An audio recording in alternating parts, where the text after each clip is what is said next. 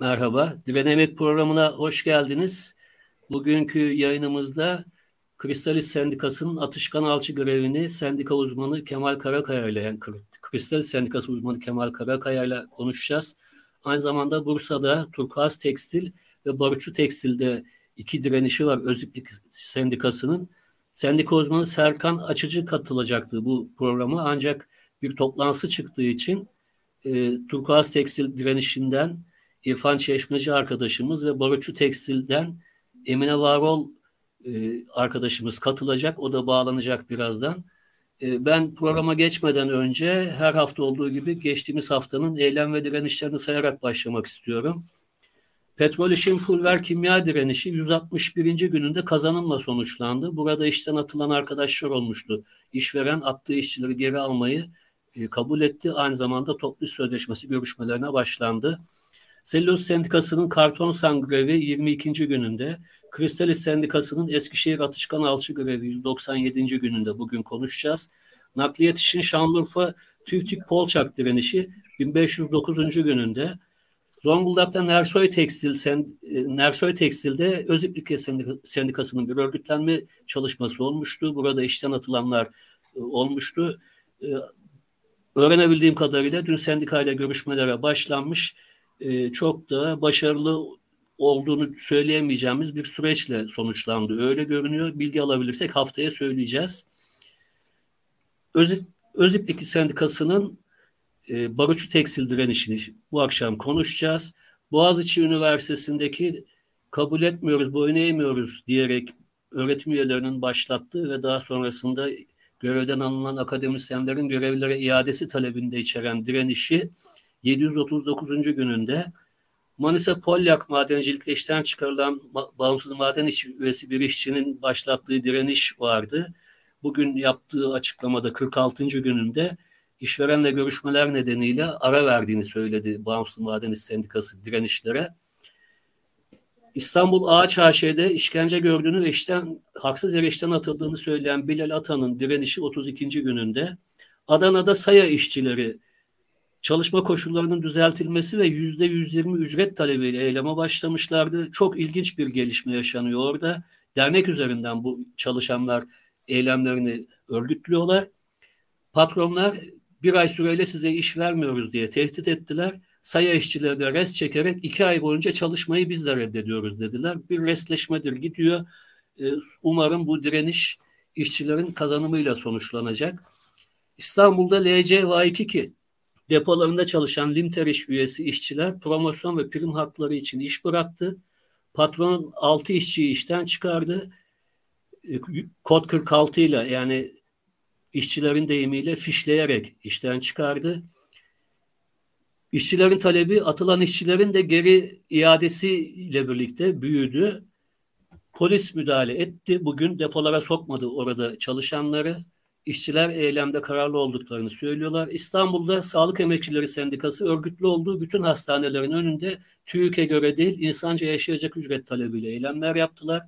Düzce'de Süperlit Boru Fabrikası'nda patronun enflasyon oranındaki ücret artışını yapmaması üzerine petrol iş üyesi işçiler kendilerini fabrikaya kapattılar. 21 işçi işten atıldı. Patronun e, çağrısıyla polis müdahale etti.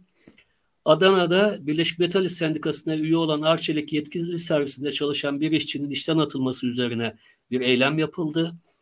Birleşik Metal İş Sendikası MES kapsamındaki fabrikalarda işçilerin taleplerinin kabul edilmemesi üzerine yaklaşık 10 gündür sürdürdüğü uyarı eylemlerine devam ediyor. 5 e, iş yeri 11 fabrikayı kapsıyor bu eylemler.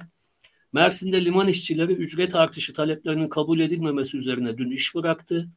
Disk Basın İş 10 Ocak Çalışan Gazeteciler gününde gazetecilere, emeğe, habere özgürlük talebiyle İstanbul'da bir eylem yaptı. İstanbul'da Dev Sağlık İş ve Sağlık Emekçileri Sendikası Ok Meydan Ağız ve Diş Sağlığı Hastanesi çalışanları asgari değil insanca yaşam diyerek bir eylem yaptı. KESK Şubeler Platformu İstanbul, Mersin, Aydın, Sinop, Diyarbakır, Gaziantep, İzmir dahil birçok kentte TÜİK, TÜİK'e göre değil emekçiler açlık sınırında yaşıyor. İnsanca ücret talebiyle eylemler yaptılar. Habersen Ankara, Adana ve Diyarbakır aralarında bulunduğu, örgütlü olduğu tüm yerlerde posta işletme merkezleri önünde promosyon sözleşmelerinin yenilenmesi talebiyle eylemler yaptı. Sağlık Emekçileri Sendikası İzmir'de banka promosyonları ile ilgili imzalanan 5 yıllık sözleşmeye itiraz ederek İl Sağlık Müdürlüğü önünde bir eylem yaptı. İstanbul, İzmir, Antalya, Ankara, Ordu, Sakarya gibi illerde kamu konfederasyonları platformunu oluşturan konfederasyonlar bugün iş bıraktı. Birçok kentte meydanlara çıktılar. Birleşik Emekliler Sendikası İstanbul'da %30'luk maaş artışına karşı insanca yaşanabilecek bir ücret talebiyle eylem yaptı. İzmir ve Van'da KESK Şubeler Platformu KHK'ların iptali ihraç edilen tüm çalışanların görevlerini iadesi talebiyle her hafta yaptıkları eylemleri bu hafta da yaptılar.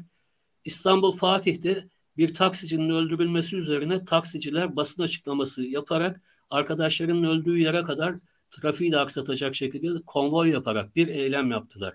Benim toplayabildiklerim basına yansıyan eylemler bu kadar. Muhtemelen atladıklarım, görmediklerim olmuştur. Affetsinler. E, şimdi programımıza başlıyoruz. Ben önce uzun zamandan beri aklımızdaydı zaten. Atışkan alçı greviyle başlamak istiyorum. Hem basında çok az yer bulması ama öte yandan da son dönemlerde en uzun grev olması nedeniyle bugün 197. gün. Yani biz böyle uzun grevleri pek görmüyoruz. Direnişleri görüyoruz ama grevleri görmüyoruz. E, Kemal Hocam e, yani sokak ağzıyla sorayım. Sizin derdiniz neydi de greve başladınız? Bir de şeyi belki açmak açısından ve izleyenlerin anlaması açısından yerinde olur. Sözleşmeye oturduğunuzda asgari ücret 4250 liraydı. Sonra güncellendi 5500 liraya çıktı. En sonunda 8500 liraya çıktı. Sizin sözleşmeye ilk oturduğunuzdaki ücret talebiniz neydi? Bu dönem içinde güncelleme yaptınız mı? İşverenin size talebine. Ee, merhaba herkese. Kemal Karakaya ben Kristal İş Sendikası uzmanıyım. Ee, burada programa katılan diğer direniş arkadaşları da kutluyorum. Ee, bizim derdimiz insanca yaşamaktı. Bizim başka bir derdimiz olamaz. Ee, bu dünyada dünyaya geldiysek payımıza düşeni eşit bir şekilde, daha adil bir şekilde alıp almak, bunları talep etmek ve insan onuruna yakışır bir şekilde hayat sürmek de bizim derdimiz. Ee, bizler bu amaçla e, aslında bir yola çıktık. Daha doğrusu Kristal İş çok daha eskilerden beri bu kavgasını sürdürüyor. Yani kuruluş yılı 1965'ten bu yana bu kavga amacını ve ilkelerini sürdürüyor. E, Atışkan Alçı işçileri de 2021 yılı Kasım ayında Kristal İş ailesine dahil oldular. İş çatısı altında örgütlendiler. Amaçları buydu tabii yani insanca yaşayabilmek. Çünkü ücretleri asgari ücret düzeyindeydi. Evet örgütlendiğimizde de asgari ücret e, o zaman 2800'ün işte yıl başında 4250 lira oldu 2022 başında. Yani ortalama ücretleri de asgari ücretin yani yüzde 5 ila 10 üzerindeydi. Yani en yüksek alan işçi 4600. Oradan geriye doğru 4300, 4250, 4500 civarında ücret alan arkadaşlarımız vardı. Sadece ücret de değil tabii. Burada iş sağlığı güvenliği açısından da fabrika içerisinde çok ciddi anlamda eksiklikler vardı. Ayrıca işveren ve işveren vekillerinin işçilere olan tutum ve yaklaşımı, söylemleri de e, bir bakıma işçileri sendikal örgütlenmeye itti burada. Bunları zaman içerisinde arkadaşlarımızla görüştüğümüz, kurduğumuz diyaloglardan e, hep dinledik. E, biz kısa sürede, bir hafta gibi bir sürede orada çoğunluğa ulaştık. İlk örgütleme yaptığımızda 170 işçi çalışıyordu fabrikada. Biz 94 üyeye ulaşarak kısa sürede çoğunluğu sağladık ve bakanlıktan yetkimizi aldık. Burada işveren biraz böyle üst perdeden yaklaştı ilk etapta ve itiraz etmedi. Gecikmeli olarak itiraz etti. İtiraz süresi dolduktan 13 gün sonra itiraz etti ve e, yetkili kurumlar da maalesef e, bu gecikmeli başvuruyu dikkate alarak e, işleme koydular. Ama ilk mahkemede tabii e, dava bizim lehimize sonuçlandı ve biz orada yetkimizi aldık. Akabinde de Şubat ayının 2022 Şubat ayı içinde toplu sözleşme görüşmeleri başladı. Yani 30 Haziran'daki grev sürecine kadar biz toplam 4 görüşme gerçekleştirebildik. Aslında pozitif bir ortamda geçiyordu görüşmeler. Biz umutluyduk. Hani işin grev sürecine ertelenebileceğine çok ihtimal vermedik ilk etaplarda ama e, ne zamanki sözleşmede biz maddi hakları, sosyal hakları tartışmaya başladık, dile getirmeye başladık. Orada sürecin tıkanacağını gördük ve nitekim de öyle oldu. E, grev kararımızı aldık, fabrikada astık ve 30 Haziran günü 116 işçinin katılımıyla grevimizi hayata geçirdik. O gün bugündür de direniyoruz. E, iki defa basın açıklaması gerçekleştirdik. Yani e, greve rağmen işverenin taleplerimize bir cevap vermemesi üzerine iki defa da basın açıklaması gerçekleştirdik. E, tabii daha detaylarını da anlatacağım. Burada sizin eklemek istedikleriniz şeyler olursa araya. Ben Şeyi de sorayım bu arada da siz sanıyorum Ankara'ya falan da gittiniz. Mecliste partilerle de görüştünüz geçtiğimiz bu grev dönemi içinde ama 3-4 ay kadar oldu. E, iktidar partileriyle görüştünüz. Çünkü şeyi de merak ediyorum. Şimdi önümüzde seçimler var. Sonuçta milletvekillerini seçeceğiz, cumhurbaşkanını seçeceğiz ve bunlar bizi yönetecekler. Aynı şeyi Barutçu Tekstil ve e, Turkuaz Tekstil için de söylemek mümkün. Hatta tüm eylemler için. Sesimizi duymayan bir idare yönetim şekli var. Ankara'ya gittiğinizde iktidar partisiyle veya yetkilileriyle görüşme olanağınız oldu mu? Ya da Eskişehir'deki iktidar partisi temsilcileri sizin bu grevinize nasıl bakıyor? Bir gözleminiz var mı bununla ilişkin? Şimdi e, Salim abi burada iktidar partisi temsilcilerinin zaten greve genel olarak bakışı açısına bir bakarsak e, Atışkan Alçı'daki greve de çok hoşnut bir yaklaşım sergileyeceklerini elbette ki bekleyemeyiz. E, elbette ki e, grevimiz ilk başladığında Eskişehir kamuoyu ciddi anlamda grevi özlemişti. Biz çok güzel bir kamuoyu desteği gördük. Yani yaklaşık ilk iki ayında grevin e, yüzün üzerinde ziyaret gerçekleşti çadırımıza. Ve basında da geniş yer aldı ama tabii artık 6 ayı açtıktan sonra bu e, artan sürelerde kamuoyu desteği de yavaş yavaş e, azalmaya başladı. E, bu süre içerisinde tabii e, iktidar partisi mensuplarından biz destek görmedik. Zaten öyle bir beklentimiz de yoktu. E, bunun birçok beklenti içinde olmamamızın birçok gerekçesi var. Hem kristal iş tarihinde yani hem grev yasaklarıyla daha birçok kez karşı karşıya kalmış olmamız ve e, onun haricinde de çıktığımız grevlerde herhangi bir olumlu yaklaşım bugüne kadar görmemiş olmamız bizi bu beklentilerden zaten uzak tutuyor. E, Atışkan Alçı grevinde de biz iktidar partisi olsun ya da onun işte koalisyon oluşturduğu diğer partilerden e, olumlu yönde bir yaklaşım göremedik maalesef.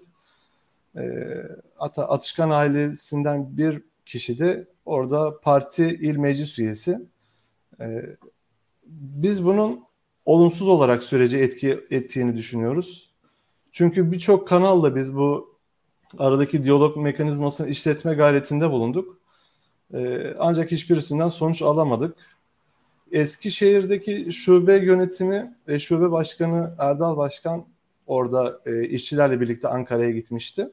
Orada da zaten muhalefet partileriyle bir görüşme gerçekleştirdiler. E, yani paylaştıkları kadarıyla da iktidar kanadından herhangi bir görüşme olmadığını söylediler. Bakalım yani mücadele devam ediyor şu an.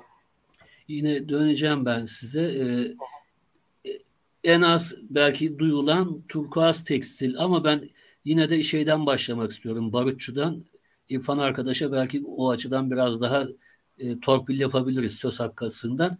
Barutçu'da da geçtiğimiz hafta işverenin direnişteki işçilerle çalışan işçiler arasındaki görüntüyü kesmek için, bağlantıyı kesmek için fabrika önünde bir takım engelleme girişimleri oldu. Bunun üzerine de orada direnen arkadaşlar ve emek dostları trafiği kestiler biraz eylemin iğmesi de yükselmiş gibi bir durum oldu. E, daha önce de konuşmuştuk aslında barutçu tekstildeki e, direnişi ama son durum nedir?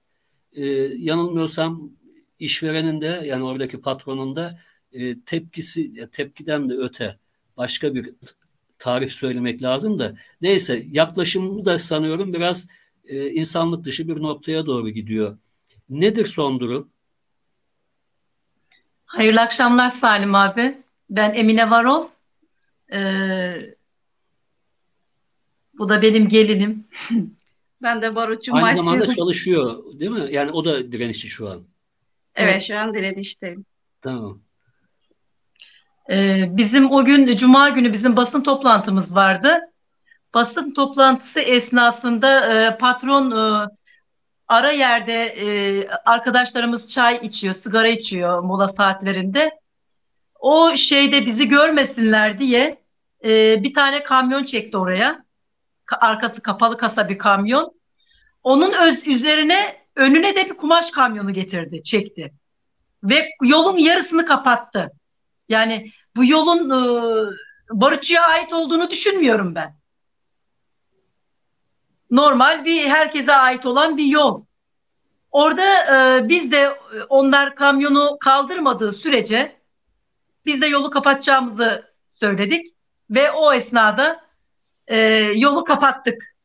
Biz kapattıktan da sonra zaten e, polisler falan devreye girdiler. E, ya 10 dakika içerisinde e, kamyonu çekersiniz ya da çekiciyle çekileceğini söylediler onlara. Onlar da o esnada çektiler. Yani e, kamyonu oradan çektiler. Yolu açtılar. Yani e, barutçu patronunda hak hukuk tanımaz bir tavır. İşçiyi tanımıyor. İşçinin kim o? İşçi kimmiş demiş. Yani işçi varken patron var değil mi? İşçi olmadığı zaman patron da yok orada. Genel olarak öyle. İşçiler patronu patron yapıyor. Ee, oradan e, bizim e, 60 kişi falan e, çıkış oldu. Bunlar içerisinde 5 tane bayan arkadaşımız da var. E, bunların içerisinde. Biz 9 tane bayan e, şu anda direnişteyiz. Hakkımızı arıyoruz. Hakkımızı e, aramak için de e, fabrikanın kapısında her gün eylemdeyiz. Ve içeriden baskılar e, sürekli devam ediyor. Ya baskılar, patronun e, şeyleri, arkadaşlarımız bize e, el bile sallayamıyorlar. Yani o kadar bir baskı var yani. Ellerini bile kaldıramıyorlar bize. Biz onlara bay bay yapıyoruz mesela. Biz e, biz işten çıkmak için bu yola başvurmadık. Yani işçiye işçi gibi değer vermedikleri için yani bağırmalar, çağırmalar, bobbingler olduğu için yani bunların daha iyiye gitmesi için işçi hakkını, hukukunu alsın diye biz bu yola başvurduk. Ben ve arkadaşlarım. Ama bunu duyan patron zaten işine gelmediği için en kısa zamanda kapının önüne koydu bizi. Onun işine gelmediği için. Sorsan küresel bir firma sendikaya karşı değilim diyor. İsteyen istediği sendikaya üye olabilir diyor ama sendikada kırmızı çizgisi olduğunu söylüyor. Sendikayı kesinlikle sokmayacağını söylüyor. Ve e, bu çıkışlarda bir tane arkadaşımız yani birkaç arkadaşımız 25. madde 25'e 2'den çıkarılmış. Ee, arkadaşımızın bir tanesi e, aşağıda e, ramlarda çalışan bir arkadaşımız. İsmini vermek istemiyorum. E, şefine bir buçuk saat geç geleceğini haber verdiği halde bir buçuk saat sonra geldiği zaman e, başındaki sorumlu direkt arkadaşımızın boğazına sarılıyor. Neden sen bir buçuk saat geç geldin diye. Onu da git, gidip şikayet ettiği zaman içeriye böyle böyle bir durumla karşı karşıya kaldım. Ben hani haber verdim. E, ona göre geç geldim. Haberi var benim şefimin dese de içeriye söylediği halde insan kaynaklarına e, o boğaza sarı, boğazına sarılan kişinin değil de mağdur olan kişinin bu çıkışlarda çıkışını veriyorlar ve 25'e 2'den çıkarılıyor. Kişi bunu bir başka iş yerine gidip iş başvurusunda bulunmuş ve orada karşılaşmış. Sen 25'e 2'den neden çıkarıldın? Durum neydi diye sormuşlar. O da şaşırmış yani 25'e 2'den çıkarılmış ve birçok arkadaşımız aynı durumda ve tazminatlarını da vermişler. Şimdi ben yine döneceğim size. Zaten hı hı. sendikal örgütlenme nedeniyle işten çıkarmaların büyük çoğunluğunda şimdi onları gerçi e, böldüler. 25'e 2 aslında çok kapsamlı bir şeydi. Şimdi onların hepsini bir kod vererek işte en fazla duyduğumuz kod 46 bu işten çıkarmalarda. Tazminatsız hı hı. işten çıkarma. Dolayısıyla bir türde fişleme durumu yaşanıyor ama bunlarla ilgili hukuki süreçte başlayabilir.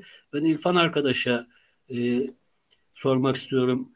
Turkuaz tekstil direnişi e, şu an gerçi Barutçu Tekstil'le birlikte sürdürüyorlar. Bu da aslında iyi bir şey. Yani aynı sendika içinde olan iki farklı örgütlenme yerinin direnişini birleştirmesi hatta bence aynı sendikada olmasa bile aynı kentteki farklı sendikaların direnişlerini birleştirmesi bu dönem için çok önemli bir örnek.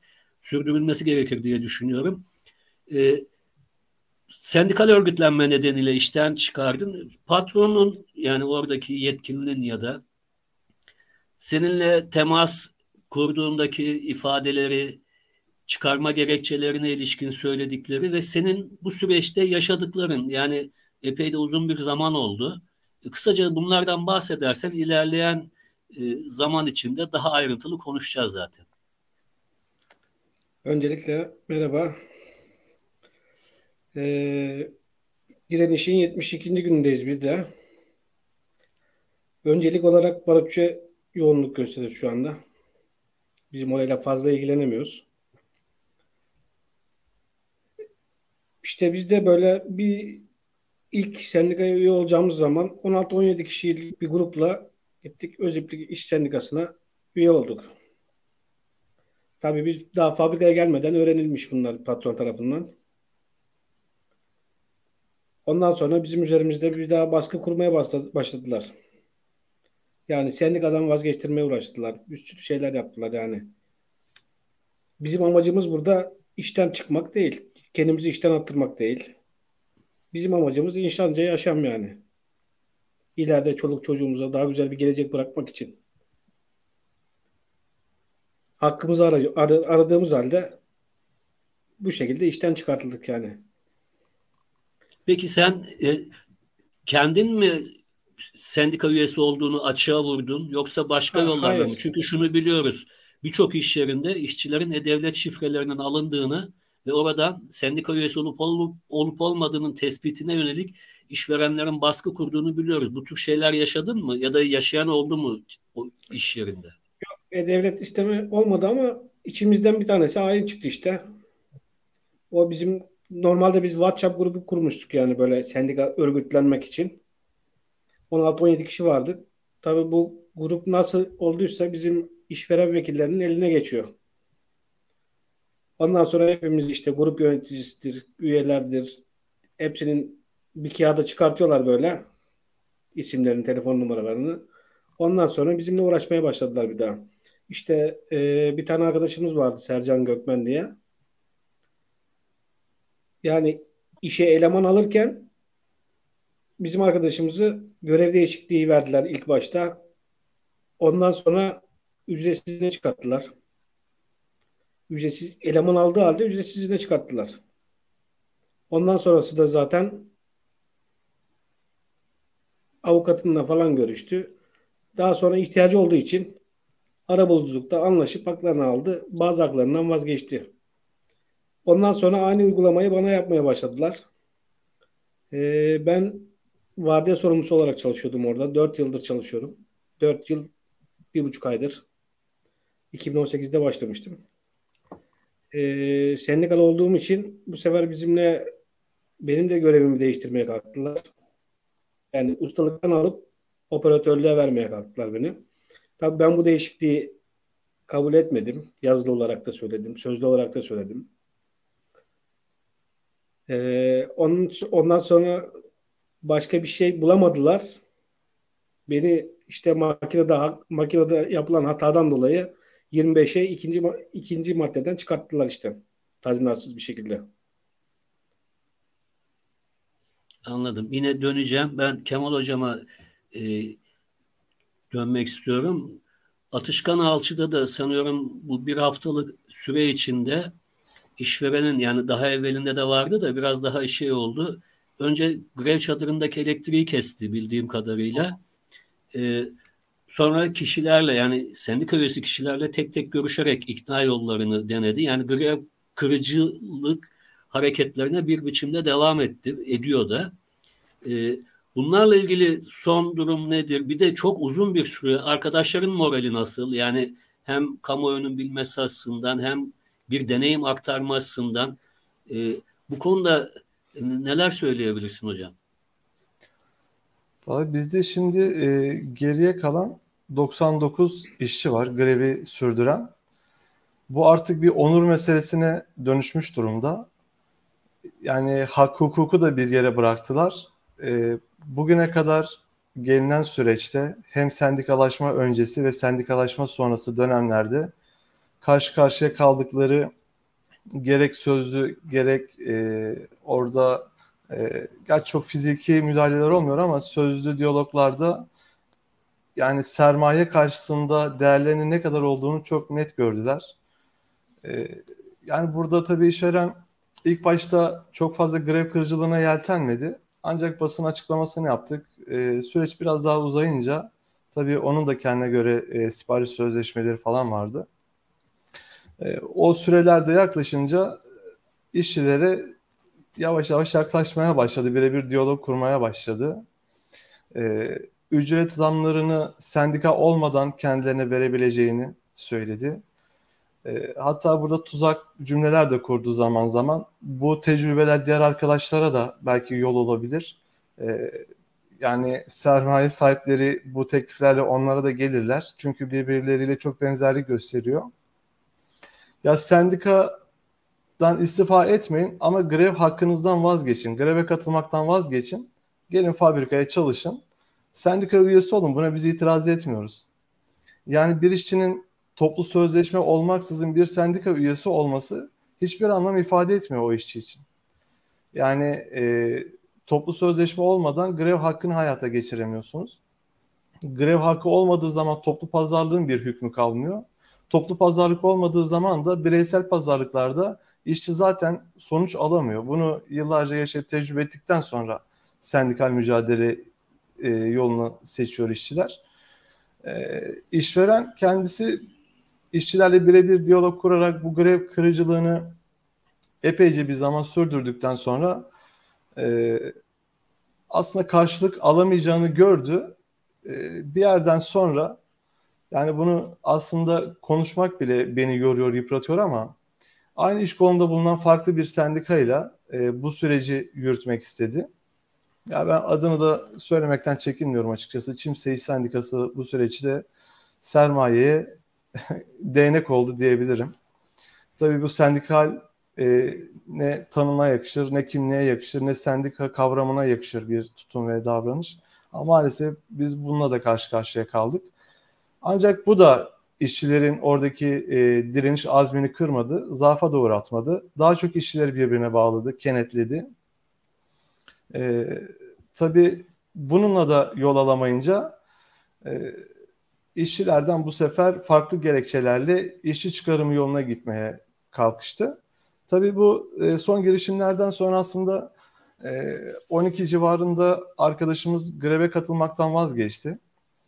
E, biz her ne kadar sendikal örgütlenmelerle ilgili, temel hak ve özgürlüklerle ilgili bilinç anlatmaya, aşılamaya çalışmış olsak da e, grevin e, dördüncü ayından sonra ufak tefek sıkıntılar olmaya başladığını biz gördük. En nihayetinde de 12 arkadaşımız greve katılmaktan vazgeçti. Onun öncesinde de bir kişi greve katılmaktan vazgeçerek fabrikaya geri döndü. E, grev kırıcılığı yaptılar açıkçası. E, tabii yani geriye dönmesine biz bir şey diyemiyoruz. Yani her ne kadar da olsa kendine göre belki haklı gerekçesi vardır diyerek tamamen insani gerekçelerle biz o kişiler rencide etmek istemedik. Ama gerideki yüz arkadaşını direnirken bırakıp içeriye girmek, e, onların ekmeğine e, kastetmek, yani bunu kendi kimliklerine, kendi kişiliklerine nasıl yakıştırdılar onu da tabii anlam yükleyemedik. Ve bunların içerisinde bir tanesi de bizim temsilci arkadaşımızdı. E, bu daha da garipleştirdi durumu. E, onlar şu an içeride çalışıyorlar.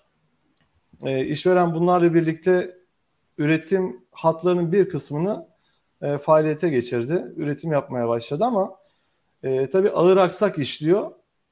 Orada çalışan üretim hattında çalışan bir e, üç arkadaşımız ya da dört arkadaşımız belki e, sayılarda biraz oynama olabilir. Grevde. Grevci işçinin işini içeride bir başkasına yaptırarak grev kırıcılığı yapıyor. Biz bunu e, şikayet ettik. E, yetkili kurumlara bildirdik. Tabii iş müfettişlerince de bu durum tespit olundu. İşverenin grev kırıcılığı yaptığı e, belgelendi. E, ceza işlem uygulandı. Ancak buna rağmen işveren yasa dışı üretimini yani orada sendikal hakları, sendika hukukunu ayaklar altına alarak yine üretimi sürdürmeye şu anda da devam ediyor.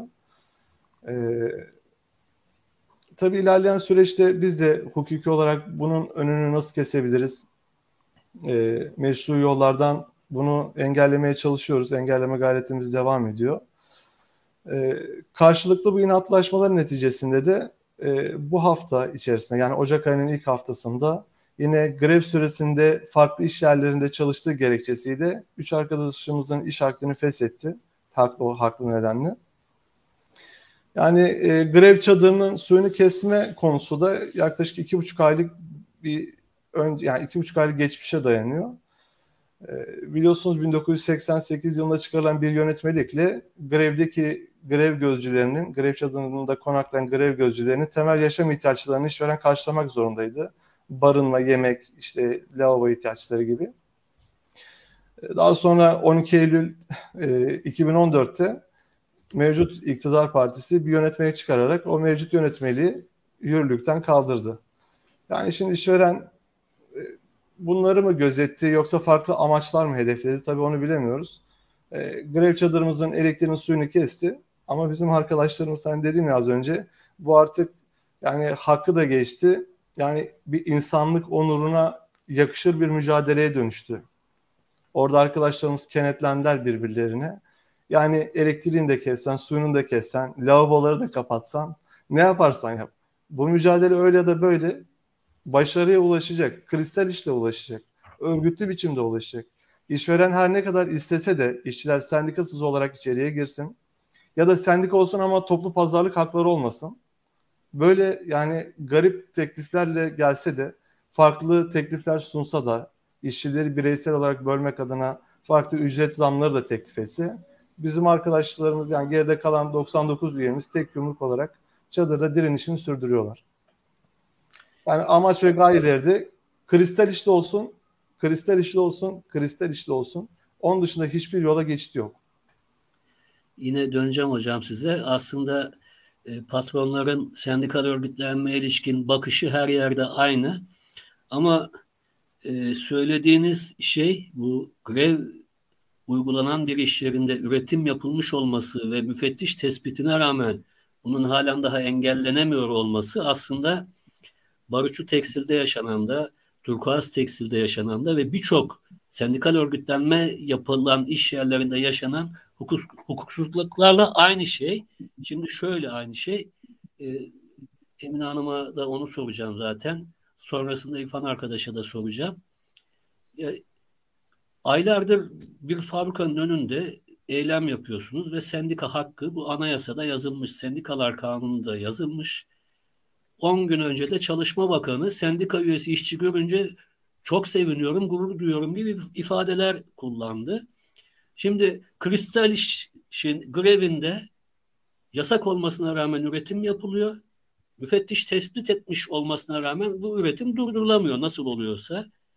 Barutçu Tekstil'de sendika hakkı bütün çalışanların hakkı iken aynı şekilde Turkuaz Tekstil'de ve diğer iş yerlerinde sendikaya üye olan işçiler işten atılıyor. Bunu ne oradaki bölge çalışma müdürü duyuyor, ne oradaki İşkur müdürü duyuyor, ne bakan duyuyor, ne cumhurbaşkanı duyuyor, ne oradaki emniyet müdürü duyuyor. Hiç kimse duymuyor. Ve bir Allah'ın kulu da demiyor ki kardeşim sendika her insanın, her çalışanın hakkıdır. İstediği sendikaya üye olur, istediğinde istifa eder. Buna sen müdahale edemezsin demiyor. Şimdi orada yaşanan da o. Bu tablo karşısında ne düşünüyorsunuz? Yani bir çalışan olarak o emeğiyle geçinmeye çalışan insanlar olarak ne düşünüyorsunuz? Yani bana kalırsa benim yorumum şu. İktidar ve iktidar adına illerde güç kullanan kamu yöneticileri yani validen kaymakamı emniyet müdürüne kadar kamu yöneticileri sanki buralarda işçi yok, başka bir şey yok. Sadece patronlar var gibi bir görüntü oluşuyor. Siz nasıl algılıyorsunuz bunu? Günlerdir de direniyorsunuz orada karda, kışta, soğukta. Ee, biz, bize soruyorsunuz herhalde Salim evet, abi. Evet, evet, evet. Aynı soruyu İrfan arkadaşıma da soracağım az sonra. Ee, biz e, orada direnmeye çalışırken e, hatta şikayet ediyorlar bunlar.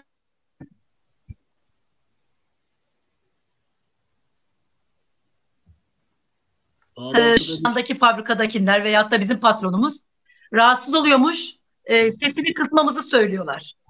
Geliyorlar bize birazcık daha sesini kısarsınız. Biz kendi sesimizi nasıl nasıl duyuracağız buradan Salim abi? İçeride zaten gürültülü bir ortam. Boyane bölümü, kalite kontrol bölümü. Ondan sonra biz sesimizi nasıl duyuracağız? Kendimizi nasıl ifade edeceğiz? Yani biz daha ne yapmamız lazım ki? Ee, herkese elimizden geldiği kadar Çalışma Bakanı e, Vedat Bilgin'i bile e, defalarca söyle, röportaj yaptığımız e, her programda Allah razı olsun yardımcı olan e, yüreğine, emeğine sağlık e, röportaj yapan e, kardeşlerimizin, abilerimizin e, bize söz hakkı veriyorlar, bizi e, temsil etmeye çalışıyorlar yani. Sesimizi duyurmaya çalışıyorlar. Ama e, hiç kimseden, hiçbir yerden ses yok, hiçbir destek yok. Yani işçi hakkını daha nasıl e, istemesi lazım? Sesimizi daha nasıl duyurmamız lazım? Biz dokuz tane bayanız, mağdur durumdayız. Herkesin çoluğu çocuğu var. Bazen küçük çocuklarımızı da götürüyoruz direniş alanına. Onlar da önlükleri giyiyorlar. Yani e, onlar da direnmeye çalışıyorlar. Aslında biz bir nevi onların geleceğini sağlama, onlara güzel bir hayat bırakmak için oralardayız. Çocuklarımıza, kardeşlerimize, torunlarımıza. Yani onlar bizim gibi böyle bir acımasız bir e, çalışma hayatı yaşamasınlar yani. Hep insanlar bir şeylere sabretti, sabretti, emeklerinin karşılığını alamadı. Üstüne üstlük hakaret ve baskı gördü yani. En sonunda dayanamadık, sendikaya üye olduk. Tabii bu da onların işine gelmedi. Gelmediği gibi de kapıya koydular bizi. Anladım. Bir Daha soru sormuş. Bir soru sormuş izleyicimiz size. Hı. Ee, Emine Hanım'a izninizle bir sorum olacak. Siz direnirken çalışmaya devam eden diğer arkadaşlarınızı çalışmaya ikna eden, yani çalışmalarını sağlayan şey nedir? Niye çalışıyorlar diye sormak istiyor. Direnişe tüm çalışanların katılımı nasıl mümkün olur? Yani bir işçi gözüyle belki de bu soruya en iyi yanıtı siz verebilirsiniz. Yani akademik olarak başkaları bir dünya şey söyleyebilir de diğer arkadaşlar niye katılmıyor? Sadece geçim korkusu mu? İnsanlara tabii ki baskı, geçim korkusu, işten çıkarılma. Yani diyor ben buradan çıktığım zaman diyor kimi diyor benim e, ev borcum var diyor. Kimi benim kredim var diyor. Kimisi belki ya içeriden e, bir borç almıştır onu ödemenin karşılığında. Yani insanlar buradan çıktığın zaman bir başka yerde iş bulamıyorsun. E, az önce de söyledim ya. Hem haksızlığa uğramış bir arkadaşımız boğazına sarılınmış. Gitmiş kendini e, ifade etmeye çalışmış e, kime biz kendimizi ifade edeceğiz? E, insan kaynaklarına durumunu izah etmiş. Böyle böyle ben şefime söylediğim halde bir buçuk saat geç geldim diye benim başımdaki sorumlu benim gırtlağıma sarıldı diye. Yani böyle bir şey var mı ya?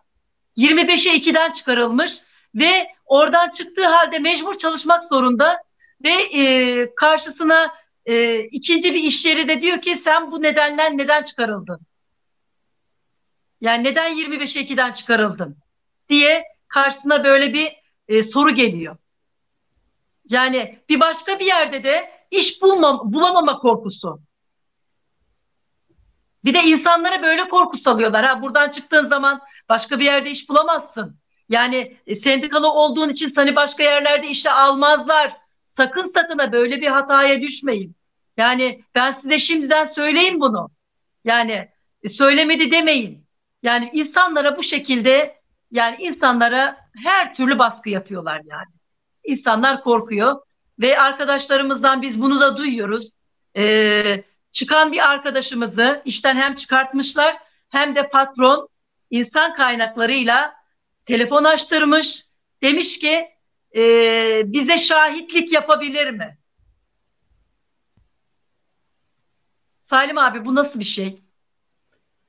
Valla şimdi o nasıl bir şeyi konuşacağız. Ben e, e, Elif'e de soracağım ama İrfan arkadaşa önce şeyi sorayım. Sana sorduğum soruyu da. E, bu bu kadar yöneticiler yani kimini biz seçiyoruz oy vererek ve bizim seçtiklerimizde diyorlar ki bu iş en iyi bu yapar. İşte Bursa'da bölge çalışma müdürü vardır muhtemelen. Yani öyle olması gerekiyor. Her ilde var çünkü. E, emniyet vardır. İşte İşkur vardır. Sizin yani sizin derken çalışanlarla doğrudan ilgili kurumlar ve eylem boyutuyla da emniyet boyutuyla da. Mesela bir patrona niye ben işçi olarak soruyorum çünkü ben emekliyim bir takım sorunlar yaşadım çalıştığım zamanda da ama mesela bir işçi olarak şunu sormak isterim ben ya bir anda nasıl olur da 10 kişi 20 kişi 30 kişi bir iş yerinde kod 46 ya da eski şeyle 25'e 2'den işten atılabilir yani bir bakan niye sormaz? Bir bölge çalışma müdürü ya 25 kişi aynı anda yıllardır çalışan çalışırken aynı anda nasıl ahlaksızlık yaptılar sana karşı? Nasıl hırsızlık yaptılar? Nasıl sövdüler? Bundan atılacak ne oldu diye sormaz bir kamu yöneticisi. Bir vali mesela oradaki patrona niye sormaz bunları? Bu konularda sen ne düşünüyorsun? Mesela ben bir işçi olarak böyle düşünüyorum.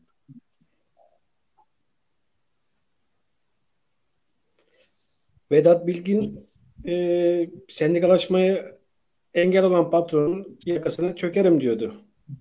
Biz bunu televizyonda izledik haberlerini. Ama biz e, bir icraat göremiyoruz yani.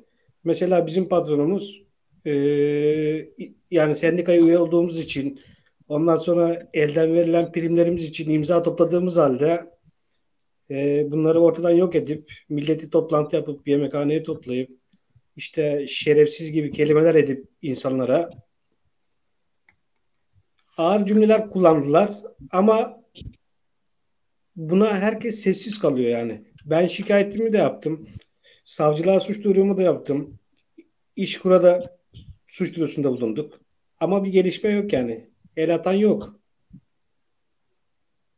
Yani benim isteğim Çalışma Bakanımızdan bunlara bir el atması yani. Şimdi belki demin Kemal Hocam değinir gibi oldu da ben tam olarak söyleyeyim. Ee, bir ay önce de Birleşik Metal İşi biz konuk almıştık. Onların bir grevi vardı ve Cumhurbaşkanlığı kararnamesiyle o grev ertelenmiş, ertelenmek istemişti ve sendika fiili olarak greve başladı. Yani mevzuata göre yasa dışı biçimde sanıyorum 12. gününde mi 13. gündemine işveren sözleşme imzalamak zorunda kaldı. Ama şunu duyduk geçmişte. En azından takip edenler biliyordur. Kemal Hocam da biliyordur. Greve çıkan işçi sayısının azlığıyla övünülen bir dönemde bunlar yaşanıyor. Yani sizin yaşadıklarınız, bizim yaşadıklarımız toplamda devletin en tepesindeki vatandaş bizim dönemimizde grev sayısı azaldı diye açıklamada bulundu. Bence fecaat bir şeydir. Yani insanların hak arama özgürlüğünü kullanamamasıyla övünülür mü bir ülkede? Ö- övünülüyor. Ben böyle bakıyorum. O açıdan biraz da merak ettim. Aslında Kemal Hocam'a da tam buradan sormak istiyorum. Nasıl görünüyor durum? Ee, şey önemli ama ben aslında e, şimdi İrfan arkadaşla yeni karşılaştık ama e, Emine Hanım'la daha önce de yayın yapmıştık. Ben Barutçu Tekstil'deki direnişi de ki muhtemelen şu an gözlemim Türk Turkuaz Tekstil'de de tam da Kemal Hocam'ın söylediği noktada biraz da onur meselesine dönüşmüş gibi görünüyor. Çünkü e, çok uzun bir süre yani evet uzun direnişler var bu ülkenin emek tarihinde ama e, az sayıda olmasına rağmen kararlı biçimde ve bayağı da ses getirerek uzun süre devam ettirilebiliyor olması artık e, onur meselesi haline ben öyle algılıyorum. E, umarım da devam edecek. Biz de elimizden geldiğince duyurmaya çalışacağız. E, Kemal Hocam aslında sormak istiyorum. Bu grevlerin işte ertelenmesiyle övünülen falan bir dönemin içinden geçiyoruz dedim zaten. Evet. Bir sendika örgütlenmesi içinde bulunan aynı zamanda bu işlere de kafa yoran biri olarak işte en azından şu an üç farklı iş yeri üzerinden konuşuyoruz yayında. Sizin durduğunuz yerden doğru nasıl görünüyor? Bir bu. Yani süremiz daha var. O açıdan da rahat şey yapabilirsiniz. Bir de ne yapmalı? Aslında bunu bu çok geniş bir soru ve belki de bütün sendikalarla bunu tartışmamız lazım. Çünkü dibe vuruyoruz gittikçe bir yandan da yoksullaşıyoruz her gün. Evet. Ee, neler önerilebilir? Yani az önce ben mesela söyledim. Barutçu ve turkuaz tekstil şeyleri örnektir. Örneğin her yayında biz söylüyoruz. İnşaat iş ve dev yapı iş örnektir. Farklı sendikalar ama bütün eylemlerini birlikte yapıyorlar. Bir ay önce öğretmenler öğretmen meslek kanununa karşı bütün öğretmen sendikaları aynı anda eylem yaptılar. İktidarı destekleyen iki sendika hariç. Sanıyorum 9 ya da 10 sendikaydı. Ortak eylem yapabildiler. Bu iş, bu örneklere de ihtiyaç vardı. Ama sizin görebildiğiniz yerden doğru en azından kısa vadede ne yap, ne yapılmalı? Örneğin sizin ekonomik sorunlarınız vardır. Üyeleriniz çünkü 197 gündür ücret almıyorlar. Evet. Bir dayanışma da gerekiyordur. Bir, toparlarsanız yani ben böyle karman çorman sormaya çalıştım ama. Ben e, notlarımı aldım Sayın abi teşekkür ederim. Şimdi burada en kestirmeden ne yapmak gerekir derse tez zamanda en kısa sürede işçiler bir saat bile kaybetmeden çalıştıkları iş kolunda yetkili iş kolu barajını aşmış toplu sözleşme süreçlerini hakim olan yürütebilecek yeterli sahip sendikalarda vakit kaybetmeden örgütlenmesi gerekiyor bir saat bile kaybetmesi işçi için zarar demek. Yani en kısa sürede yapılabilecek bence temel şey bu. Yani burada korku duvarlarını biraz yıkmak gerekiyor. Yani insanlar neden sendikalaşmaya uzak duruyorlar? Şimdi siz de orada Emin Hanım ve Elif Hanım e, onları da ben yürekten kutluyorum. Anne gelin kol kola direnmek herkese belki de nasip olacak bir şey değil. Çok hoş bir tablo.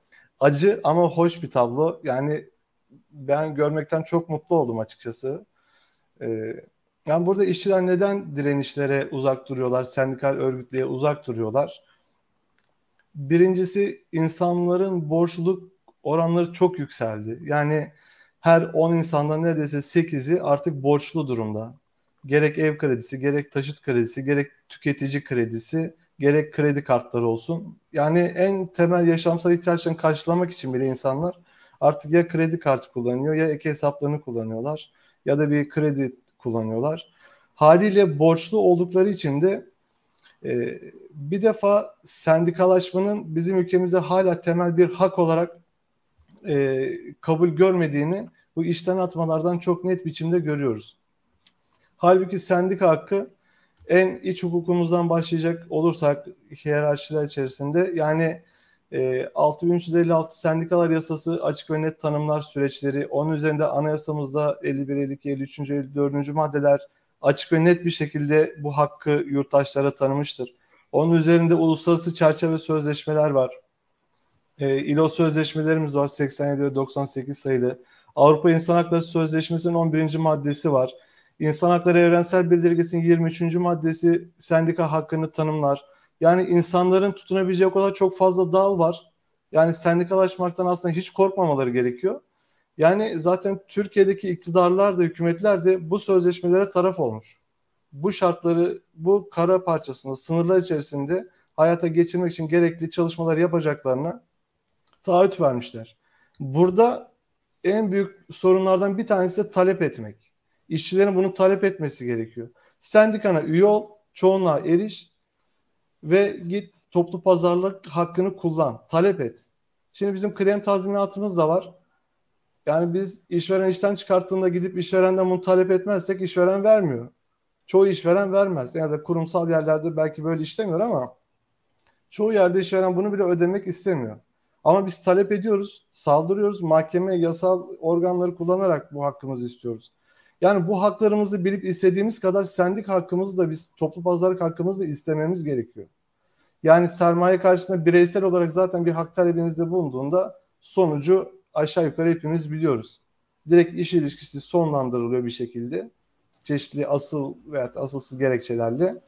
Ee, ondan sonrası üstten yargı süreçleri de maalesef Türkiye'de çok uzun sürüyor. Hani işinin sadece örgütlenmesi de belki tek başına yeterli kalmıyor. Ondan sonra da e, sendikal örgütlenme önünü kesmek için e, bir dizi yargı süreci var. İşte e, yerel mahkeme bakıyor, akabinde istinafa gidiyor, orada olmazsa yargıtaya gidiyor. Yani e, ben şöyle söyleyeyim, bizim örgütlenmelerimizde 7 yıla uzayan yargı süreçleri oldu. 4 yıl, 7 yıl, 2 yıl, 2,5 yıl.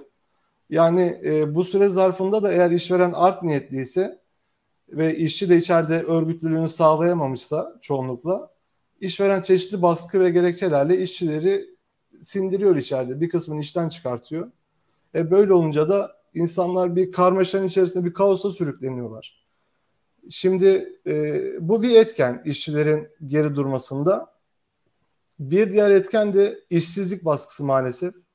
Yani Türkiye'deki işsizlik oranları ne kadar yüksek hepimiz biliyoruz. Yani atıl iş gücü %20'nin üzerinde. Yani her 5 kişiden çalışabilecek durumda olan her 5 kişiden birisi işsiz geziyor. Kayıt dışı çalışma çok yaygın. Affedersiniz.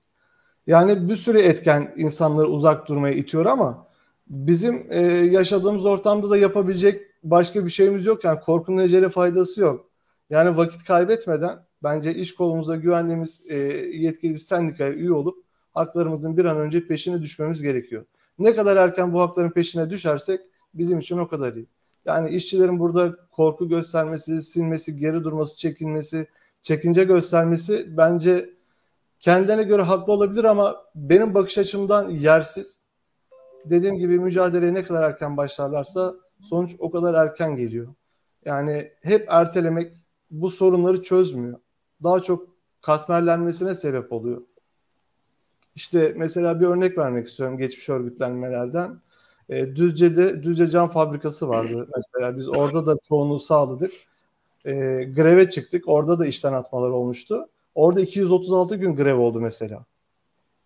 Bir tane de ek işletmesi vardı Samsun Kavak'ta. Orada da e, 181 gün fiili direniş oldu. İşveren iki ek işletmeyi kapattı, işçileri işten attı. Ana üretim merkezinde de e, 17 üyeye kadar gerilemişti üyelerimiz bu baskılardan dolayı. Yani orada da 236 gün grev yaptık ama buna rağmen e, başarı sağlayamadık. Bu süreç 2019'un sonunda son buldu. Ama şimdi ben bu düzce cam örneğini niye verdim? Şimdi sendika hakkına sadece parasal şeyle bakmamak gerekiyor.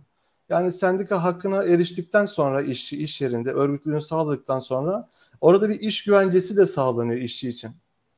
Yani bizim örgütlü olduğumuz yerlerde en azından kristal iş özelinde konuşmam gerekirse e, bir işçinin iş güvencesi işveren iki dudağı arasında değil. Yani işçinin bir kusuru olsa bile en azından disiplin kurulu süreçleri yürütülüyor. Hani önce ihtar, sözlü ihtar, yazılı uyarı, işte işten uzaklaştırma, yövme kesme cezası. İşçi tekrar tekrar aynı kabahatleri işliyorsa bu sefer de diyoruz ki arkadaş senin başka bir derdin var. Yani yapabileceğiniz bir şey yok. Çünkü bunu defalarca yaptığınız zaman içerideki işçiye zarar veriyorsunuz daha fazla. Yani burada iş güvencesine de kavuşuyor aslında işçi. Diğer taraftan sosyal haklarına kavuşuyor. Yani diğer bir yandan da aslında Türkiye'de kanayan bir yara bu. Yani iş cinayetleri, iş sağlığı güvenliği açısından da çok ciddi riskler, sıkıntılar var fabrikalarda, işletmelerde. Yani sendikalı yerlerde görece bu tedbirler daha sıkı tutuluyor. İşçi, yani biz sendikal eğitimlerde de iş sağlığı güvenliğine yönelik eğitimler veriyoruz. İşveren de bu eğitimleri veriyor. Karşılıklı e, bir denetleme mekanizması oluşuyor aslında sendika ile birlikte. Yani işçi açısından hem can güvenliği hem iş güvencesi hem gelir güvencesi sağlanmış oluyor. Bu nedenle sendikalaşma işçiler için yaşamsal öneme sahip. Hele hele bizim gibi ülkede hem enflasyonla hem e, yasal düzenlemelerle gasp edilen e, haklara karşı işin yapabileceği başka hiçbir şey yok. Bireysel olarak zaten mücadeleler yetersiz kalıyor. Yani burada e, gerek İrfan arkadaşımız Turkas TX'de çalışan gerek Barutçu gerekse Türkiye'nin her yerinde bugün e, haklar için direnen sayı işçiler olsun, metal işçiler olsun. Şimdi e, MES grubunda da yine bir grev kararı var. Yani e, yapabilecek başka bir şey yok işçiler için. O yüzden vakit kaybetmeden e, sendikalara üye olsunlar. Hani sendikalar şöyle böyle demek bence sermayenin işçilerin ağzına verdiği bir argüman. Sendikalar her türlü olabilir. İşçi bunu nasıl istiyorsa öyle yapar. Ama sen geri çekilirsen, kaçarsan, bu kavgadan kaçarsan bir grup kişinin eline kalırsa ya da keyfi e, insifiyetine kalırsa sendikal yönetimler o zaman elbette ki oralarda da sorunlar baş gösterebilir. Ama bunu yine denetleyecek olan, düzenleyecek olan yine işçiler. İşçiler ne kadar çabuk bu sürece dahil olursa Türkiye'deki sendikal yaşamda o kadar hızlı bir şekilde hayat bulur, büyür, gelişir.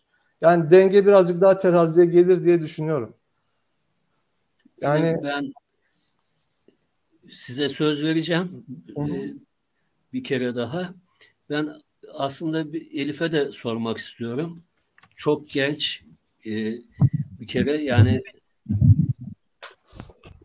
onun yaşıtındakiler dünyayı başka türlü görüyor en azından bir kısmı ama bir kısmı da gerçekten geçinmek için yarına biraz umutla bakabilmek için de e, çalışmak zorunda kalıyorlar. Belki eğitimlerini göremiyorlar büyük kısmı. E, bekledikleri bir dünya ile belki karşılaşmadılar bugün aslında baktığımızda. E, bu direniş direnişi nasıl gözlüyorsun bulunduğun yerde? Bir bunu yani kişisel düşüncelerini merak ediyorum. Bir de Bursa kamuoyu yani oradaki sendikalar, siyasal partiler, emekten yana diye bildiğimiz kişiler, kurumlar nasıl yaklaşıyorlar sizin direnişinize? E, ben bunları merak ediyorum. Yani genç bir çalışan gözünden e, bu direniş veya direnişler gözleyebildiği kadarıyla nasıl görünüyor? Merhabalar, ben Elif Varol. 18 yaşından beri iş sektöründeyim. Ee, şöyle anlatayım ben kısaca. İlk defa katılıyorum ben de. Barutçu Tekstil'de 11 aydır çalışmaktaydım. Ee, bizi hiçbir şey yokken sendikalaştık diye arkadaşımla beraber beni bir gün işten çıkardılar. Ee, işte insan kaynaklarının bize iş olmadığını, ondan dolayı sizden işi işten çıkarmak zorundayım dediler. Ee, koskoca fabrikada sadece iki kişi çıkarıldık. Ben de sendikal haklarımı arayacağımı, imza atmayacağımı belirttim. Ve 87 gündür de dışarıda kapıda mücadele veriyorum Barışçı Tekstil'in önünde. Bu direniş günümüzde bizi yalnız bırakmayan e, siyasi olarak veya kadın kolları olarak bize çok yardımcı oldular. Bizi dinlemeye geldiler. Yani sesimizi duyurmaya çalıştılar. Şimdi şöyle söyleyeyim. Hem bir anne olarak da konuşmak istiyorum. Ee, üç vardiya olarak çalışıyoruz. Uykusuz kalıyoruz. Bir mücadele veriyoruz. Ekonomik şartlar, koşullar belli. Zorlu e, yeterli olduğunu düşünmüyorum bu konu hakkında. E, daha çok sesimizin duyulmasını istiyorum. Bize yardım edilmesini istiyorum. Yani sadece sözde lafta kalınmasını istemiyorum ben. Anladım. Az önce Bunun... sorduğum, sorduğum sorunun bir benzerini sana da sorayım o zaman. Şimdi devleti yöneten herkes görüyor. Evet. Kenti yöneten herkes görüyor. Belediye başkanları da görüyor hatta. Yani biz seçiyorsak o belediye başkanını sadece bizim yolumuz için, kanalizasyonumuz için değil, bizim yaşam koşullarımız için de söz söylemeli o kentte. Bizim için söylemeli. Mesela bu ilgisizliği nasıl görüyorsun ya da niyedir yani bizi yönetenler, bizim çevremizdeki güçlü insanlar, amirler, memurlar niye bizim sesimizi duymazlar? Yani buna ilişkin bir şeyin var mı yaklaşımın? Yani şöyle diyeyim, neden bizi duymazlar? Çünkü biz işçiyiz. İşçi sınıfı olduğumuz için biraz daha bastırılmış oluyoruz ma- maalesef Türkiye koşullarında. Patronlar hep ön planda oluyorlar. Onlara ılımları daha farklı oluyor. Bizim bize karşı daha farklı oluyor ama sonuçta biz oy veren bizleriz. Ee, insanların yanında bizlerin yan, bizlerin yanında durulması gerekiyor. Kadınların yanında durması gerekirken e, işveren tarafında oluyorlar ma- maalesef çoğu kişiler. Bu şekilde yani. Tabii şeyi de eklememiz lazım. Şimdi e, sen Kadın olarak benim... Salim abi e, direnişte de sesimizi bastırmaya çalışıyorlar. Elif, Şimdi Elif söyleyince ben bir anda aklıma geldi. Aslında barutçu tekstil direnişinin ve başka yerlerde bazı direnişlerin e, kadın hakları, kadın emeği sömürüsü noktasında da bir şeyi var ve bu benim kendi yorumum. Bu iktidar kadını çok öne çıkardığını, çok değer verdiğini, aileyi koruduğunu vesaire iddia eden bir iktidar ama işte e, Elif'in sanıyorum çocuğu var. İşte ev evet, geçindiriyorsunuz. Aynı zamanda çalışan kadınlarsınız ve kadına değerin verildiğini, kadın emeği sömürüsünün engellenmeye çalışıldığını iddia edilen bir dönemde yaşıyorsunuz bir de bunları. Yani o açıdan seyircilerimizin de aslında sadece karşılarında çalışan işçiler değil, aynı zamanda anneler, kadınlar olduğunu, kadın emekçiler olduğunu değerlendirerek bir bütünlük içinde düşünmeleri için bunları söylüyorum. Ben İrfan arkadaşa da aslında benzer bir soruyu soracağım. Ee, hatta belki yorum yapmak istersen bunu Kemal hocama da sormuş olacağım sırası geldiğinde. Şimdi dün bir haber okudum. Sizin iş koluyla da ilgili onun için söylüyorum. E, patronların yeni hazırlığı bu ekonomik gidişattan da kaynaklı. Önümüzdeki 3-4 ay içinde 30 binden fazla tekstil çalışanının işten çıkarılacağı yönünde bir şey var. Hatta şu an Gaziantep'te falan bazı fabrikalarda, Urfa'da çıkarmalar da başlandı ve gerekçe şu. Piyasa daraldı, ihracatımız düştü, dolayısıyla gelirlerimiz düştü. E, üretim de düştü. Bizim işte fabrikadan fabrikaya şu 100 işçiye, şu 500 işçiye neyse ihtiyacımız yok artık diyerek faturayı yani zarar diye gördükleri faturayı işçilere kesiyorlar. Şimdi ben mesela durduk yerde de şöyle düşünüyorum. Ya bunlar çok kar ettikleri zaman da işçilere bir şey vermediler. Ama azıcık zarar ettiklerinde zarar da geçen senenin karından zarar. Sermayeden falan değil. Hemen kapının önüne koyuyorlar. Siz bu, bu yanı da var çalıştığınız sektör aslında şu an. Ama örgütlendiğiniz için, direndiğiniz için de yaşadıklarınız var. Bir gününü nasıl geçiyor bu direniş noktasında? Bir de e, sen nasıl değerlendiriyorsun tüm bu gidişi? Örneğin işte son söylediğim gibi patronlar niye faturayı hep işçilere keser?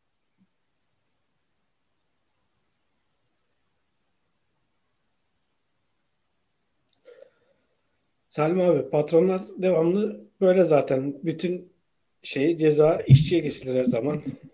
Yani bu değişmez. Kimse de değiştiremez yani. Ee, işin olmadığını söyler ama e, makine 3 iken 5'e çıkartır. 5 iken 10'a çıkartır.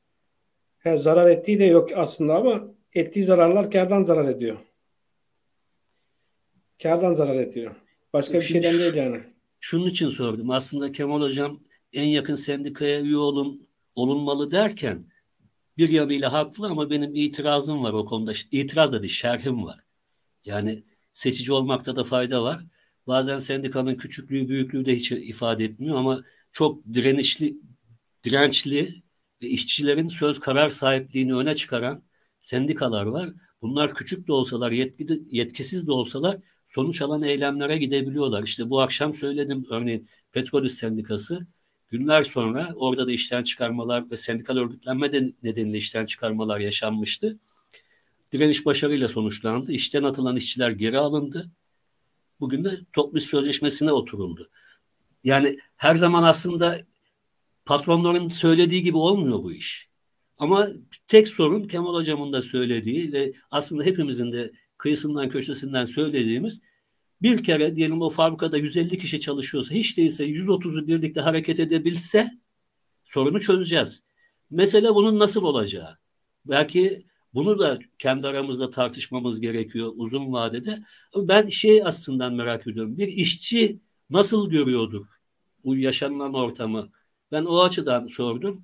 Yani e, serbest söylemek istediklerini söyleyebilirsin. Zaten e, son 10-15 dakikamız var bir beş dakika konuşabilirsin. Vallahi insanlar sendikaya üye olmaktan korkuyor. Yani Kemal Bey'in dediği gibi yani finansal yönden olsun, ekonomik yönden olsun insanlar hep sıkıntıda yani. Şimdi e, misal vereyim. Geçen bizim bir tane arkadaşımızı bir, birkaç tane arkadaşımız var böyle. İşte sendikadan vazgeçilmesi söyleniyor. Geçmezseniz sizi askeri ücrete çalıştırırım. Daha fazlasını vermem. Sizi görev değişikliği yaparım. Ne bileyim böyle korkutuyorlar insanlar yani. Ya insanlara dediğim gibi yani toplayıp şerefsiz kelimesini kullanıyor ama insanlar bunun karşısında sessiz kalıyor. Yani işçilerin birlik olması lazım en başta. Ki bu cesareti de vermesi lazım yani. Bizim Çalışma Bakanımız dediğim gibi yani ben patronun ensesinde, ensesindeyim diyor ama icraat yok. Mesela işçiye biraz cesaret vermesi gerekiyor. Belki Kemal Hocama sorayım. Yani söylemek istediğiniz bir şey varsa arada müdahale edebilirsiniz yine de. E, tam Evet, böyle işçiye Evet, cesaret tam da bu vermesi. noktada aslında bu kelime birkaç defa böyle döndü dolaştı hep geliyor. Ben notumu alıyorum ama Size soru sormuyorum. Siz aldığınız notlar doğrultusunda e, evet. konuşun. Şimdi e, bakan, e, bu Vedat Bilgin Bakan'dan önce bir bakan daha vardı. E, bu konuyla ilgili bir açıklama yapmıştı. Sendikaların e, durumlarının iyileştirilmesi, işçilerin biraz daha örgütlenmede e, şartların kolaylaştırılması adına. E, tabii bu konuşmalar genelde iktidar ne zaman zora girerse ya da işte işçi sınıfıyla, işçi kanadıyla arasında ne zaman mesafeler açılmaya başlarsa bir göz kırpıyor. Yani halbuki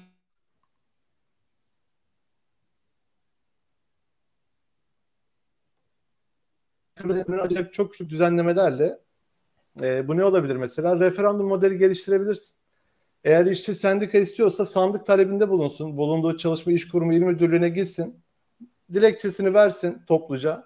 Desin ki biz referandum istiyoruz. Hangi sendika olduğunu yazsın. Sendika istiyor mu istemiyor mu? E, bu referandumu gerçekleştirsin. Zaten çıkan sandıktan çıkan sonuca da kimse itiraz etmeyecek. Yani basitleştirilebilir ama bunu yapmak için de yani yasal düzenlemeleri yani e, gerçekleştirmek gerekir. Bunun için de belki mücadeleyi daha geniş çerçevede yani meclis bizim 80 milyonun meclisi. Ama biz orada öyle bir temsiliyet yaratıyoruz ki şimdi e, ücretli çalışanlar bu ülkede aileleriyle beraber baktığınız zaman 60 milyon dolayında. Yani bu ülkede her gün hop oturup hop kalkmaları lazım. Ama bizi öyle bir parçalayıp bölüyorlar ki ama o sebeple ama bu sebeple biz birbirimizden ayrışıyoruz. Ve benim bu sendikal örgütlenmelerde hep söylediğim bir şey var. Grev süreçlerinde de böyle oluyor. Eylem direnişlerde de böyle oluyor. İşçinin işçiye yaptığını patron işçiye yapmıyor bizde. Şimdi bizim grevi kırıp içeriye giren 12 arkadaşın üretim yapması gibi. Ya niye ayrılıyorsun arkadaşından? Sen oraya örgütsüz döndüğünde geçmişten daha kötü günlere döneceğini zaten biliyor olman gerekiyor. Bu süreci yaşayarak geldin oraya. O tercihi onun için yaptın. Bir karar aldıysan bu kararın arkasında durabilmen gerekiyor örgütlü bir şekilde. Parçalanmadan, bölünmeden. Eğer ki mecliste emekten yana bir iktidar oluşturamıyorsak ki belki de bizler için hak alabilmenin en kolay yolu budur. Sandıkta gideriz, emekten yana bir iktidar getiririz oraya görevi bizim lehimize yasal düzenlemeler yapar. Bu sendikal örgütlenmeler bir günde, bir haftada, bir ayda, belki de altı ayda çözülür. Çözülmeyecek bir sorun değil ki. Çok da zor değil. Eğer bunu başaramıyorsak, yapmıyorsak, bu birliği beraberliği sağlayamıyorsak o zaman ne yapacağız? Geriye sendikalarda örgütlenip mücadele etmek kalıyor. E buna da cesaret edemiyorsak ne yapacağız? O zaman kaderimize boyun eğeceğiz. O zaman da birileri kader diyecek, birileri fıtrat diyecek. Ama iş sağlığı güvenliğini görmezden gelecek. Bir sürü olumsuz e, ortamlarda bizi çalıştırmaya devam edecekler. Yani arzuladığımız hayata ne zaman erişeceğiz? Korkarsak. Mücadeleyi bir yerden başlatmak gerekiyor. Ama genel seçimlerde sandıktan ama sendikalardan ama bir yerden muhakkak başlamak gerekiyor. Yani şimdi Vedat Bilgin bakan çıkıp konuşuyor. Çok güzel. Herkesin hoşuna gidiyor. Ben bunu çok yerde duyuyorum örgütlenmeyle arkadaşlarla temas kuruyoruz. Ya bu işler kolaylaşacak gibi falan. Hiç öyle bir beklenti içinde olmasınlar. Yani e, kusura bakmasınlar. Bu ülkede e, Cumhurbaşkanı 2016 yılında o hal vardı biliyorsunuz. 2015 seçimlerinden sonra bir kaos ortamı oldu. Yarattılar böyle bir ortamı maalesef. Çıktı e, sermaye sahiplerine dedi ki biz dedi o hali grevleri ertelemek için kullanıyoruz dedi. Yani zaman zaman bunu açığa vuruyorlar. ve grevleri hala Türkiye'de 2022 yılında yani bir elin beş parmağı kadar grev yok. Buna rağmen sen grevi erteliyorsan bu zihniyetin temsilcisi olduğunu aslında açık ve net gösteriyorsun. Yani eğer buradan medet umacaksak zaten biz baştan çıkmaz bir sokağa giriyoruz. 100 metre sonra geri döneceğimiz aşina. O yüzden mücadeleye belki çok kanatlı düşünmek gerekiyor. Birazcık daha insanların e, hani herhangi bir siyasi parti adı vermiyoruz ama bakış açılarını birazcık daha emekten yana çevirmeleri en azından işçi ve ücretleriyle geçinenler için buralardan emekli olan insanlar için birazcık daha tercihlerini kendi menfaatlerinden yana kullanırsalar bu süreçler daha rahat aşılır diye düşünüyorum. Anladım hocam. Sağ olun. Aslında ben de e, son sözleri vermeden önce Emine Hanım'la İrfan arkadaşa tam buna benzer bir şeyi kafamda tasarlıyordum. Yani konuştuğumuz şeyin aslında siyasal bir yanı da var. Evet biz örgütlenmeye çalışıyoruz. Örgütlü olduğumuz yerlerde grev yapmaya çalışıyoruz. Haklarımızı almaya çalışıyoruz. Hatta bir yıldır ilginç bir biçimde üzerine de düşünülmesi lazım. Sendikal hareketin ya da işçi hareketlerinin geldiği yer aslında örneğin geçmişte hiç duymadığımız bir biçimde promosyon mücadelesi veriyor artık çalışanlar. Bankaların önlerine gidiyorlar.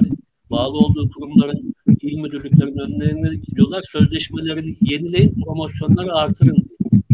Örneğin iki yıl öncesine kadar pek gündemde olmayan vergide adalet talebini artık çalışanlar çok güçlü biçimde dile getiriyorlar. Çünkü çalışanlardan kesilen gelir vergisi çok yüksek. Patronlardan daha fazla vergi ödüyoruz biz. Şimdi bütün bunları birlikte düşünüldüğünde bunların bir yanıyla da siyasal düzenleme gerekiyor. Yani vergiyi biz düzeltemeyiz. Bu ancak mecliste düzeltilebilir bir kanunla ya da Cumhurbaşkanı'nın kullandığı yeniden değerleme oranı yetkisini çalışanlar lehine kullanıp şunu diyebilir. Çalışanlardan bundan böyle yüzde ondan fazla gelir vergisi kesilmeyecek diyebilir. Bu yetkisi var çünkü. Ama siyasal bir mücadele. Dolayısıyla e, iki, üç kutuplu düşünmek gerekiyor. Bir yandan iş yerinde örgütleneceğiz. Bir yandan çıkarlarımıza uygun siyasal e, tercihlerimizi belki gözden geçireceğiz. E, ben de böyle bakıyorum. Böyle bakılmasından yanayım. Yani bu bir tercih sonuçta. Şu parti bu parti falan demiyorum ama e, sonuçta bizim yanımızda duranla durmayanı da herhalde gözlerimiz görüyordur, kulaklarımız duyuyordur diye düşünüyorum. Benim Burada de bir parantez açabilir miyim? Salim abi sözünü kessin. Kusura Buyurun. bakma lütfen. Ee, mesela bu promosyon konusu evet e, çok gündemde e, son birkaç aydır. E, hem promosyon konusu aslında işçileri kendi içinde birbirine düşürmenin bir aracına döndürüldü. Burada da aslında çok basit yani bir yasal düzenlemede bir kadük kalan bir nokta var.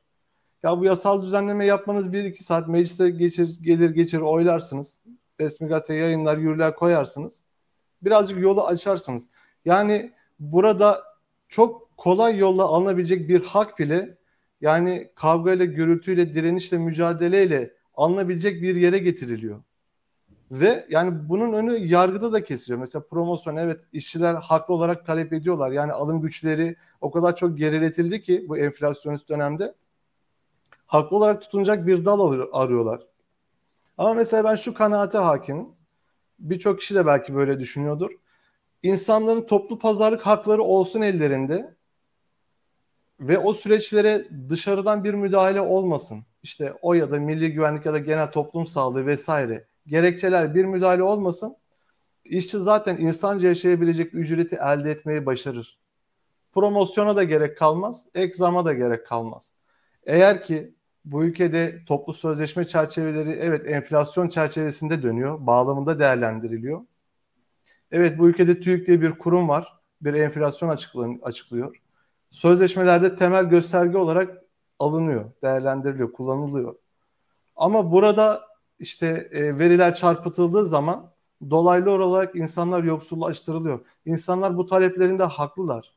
Ama gerçekten burada düzgün işleyen bir kamu kurumu olsa ve veriler çarpıtılmasa hem insanların alım gücü bu kadar gerilemeyecek, yoksullaşmayacak insanlar hem de yani bu toplu pazarlık süreçlerinde insanlar azıcık böyle dengeyi kurabilseler bu da maalesef yine az önce söylediğim gibi ilk adımının bence mecliste atılması gerekiyor. Yoksa dediğim gibi bu tartışmaların sonu gelmez. Bugün promosyon böyle atılır ortaya. işçi birbirine düşer. Örgütüyle karşı karşıya gelir. Patronuyla karşı karşıya gelir. Kavgalar, gürültüler eksik olmaz. Bir yandan ek zam atar. Yarın adına başka bir şey der. Prim der. Bilmem ne zammı der. Şu der, bu der. Bu tartışmaların sonu gelmez. Zaten sistem kavgalardan besleniyor. Anladım. Yani ben onu şey için söyleyeyim. Vergi konusunda da kesinlikle katılıyorum.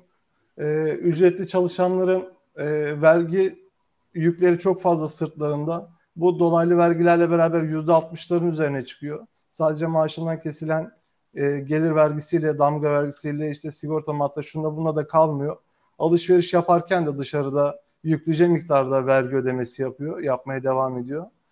Yani onun da e, bir an önce bence gündeme gelmesi gerekiyor mecliste, tartışılması gerekiyor, düzenlemelerin yapılması gerekiyor. Bu da yine iktidarın elinde olan bir şey. Ama sürünceme de EYT'de olduğu gibi zannediyorum bu konuda 20 yıl aşkın bir süre tartışılır gibi geliyor bana. Eğer bu şekilde tercihleri kullanmaya devam edersek. Anladım hocam sağ olun.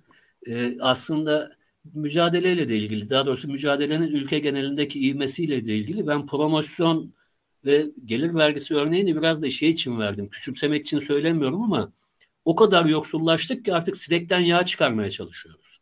Yani sendikal mücadeleyle, işverenle başa baş, dişe diş e, masada vura vura hakkımızı almak bir yana bundan neredeyse vazgeçer gibi bir durum genel durumu söylüyorum.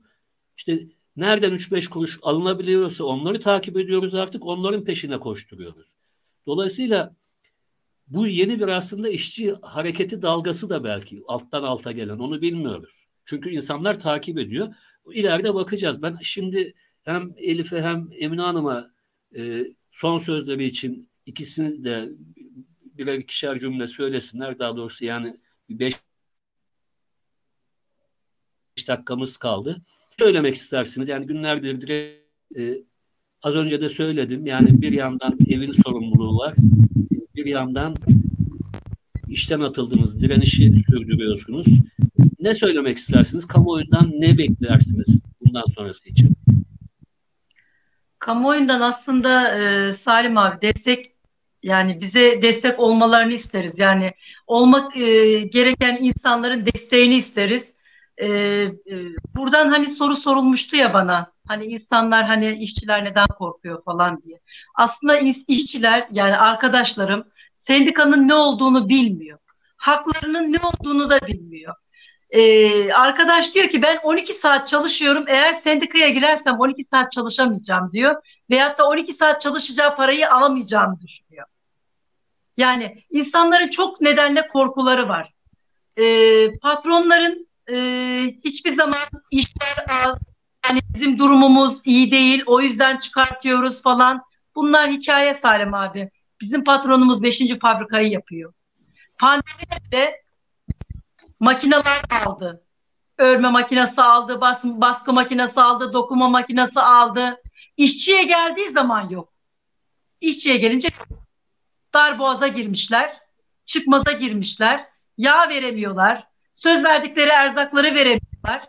Ondan sonracıma promosyon, promosyon denil, denildiği zaman o benim param diyor ya. Pa, benim paramı niye vereyim ben işçiye diyor. İşçinin parasıyla kendinin altına jip alıyor, araba alıyor. İşçi de geçinmeye çalışsın verdiği maaşla. 400 liralık bir promosyon vermiş. O da sendika kapıda diye. Ondan sonra onunla övünüyor. Dedim ki işçi temsilcisine telefon açmıştı. Dedim sendika kapıda olduğu için verdi o size. 400'ü bile 500 yapamamışsınız. Bir de gitmiş yani çok nadir bulunan marketlerden. Dedim ki kusura bakmayın kardeşim. E, zengin e, muhitinde, elit kesimde oturan kişiler bu marketleri görüyorlar. Onun için size buradan vermişler. Bir market görmedikleri için dedim. Yani arkadaşlarımıza bir nevi biraz espri yaptım daha doğrusu.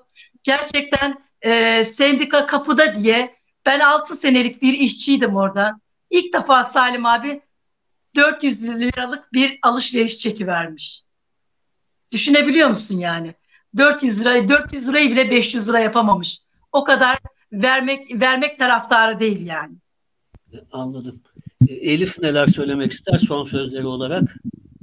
Ben de tamamlayayım onu ama maalesef bizim işçi sınıf kardeşlerimiz bunu bir türlü idrak edip anlamak istemiyorlar. Yani bizim buradaki amacımız daha rahat şartlarda çalışabilmek, e, haklarımızı arayabilmek, dert, bir derdimiz, sıkıntımız olduğu zaman içeride bizi temsil edecek kişilere sunup gereğinin yapılmasını sağlamak. Bizim amacımız bu.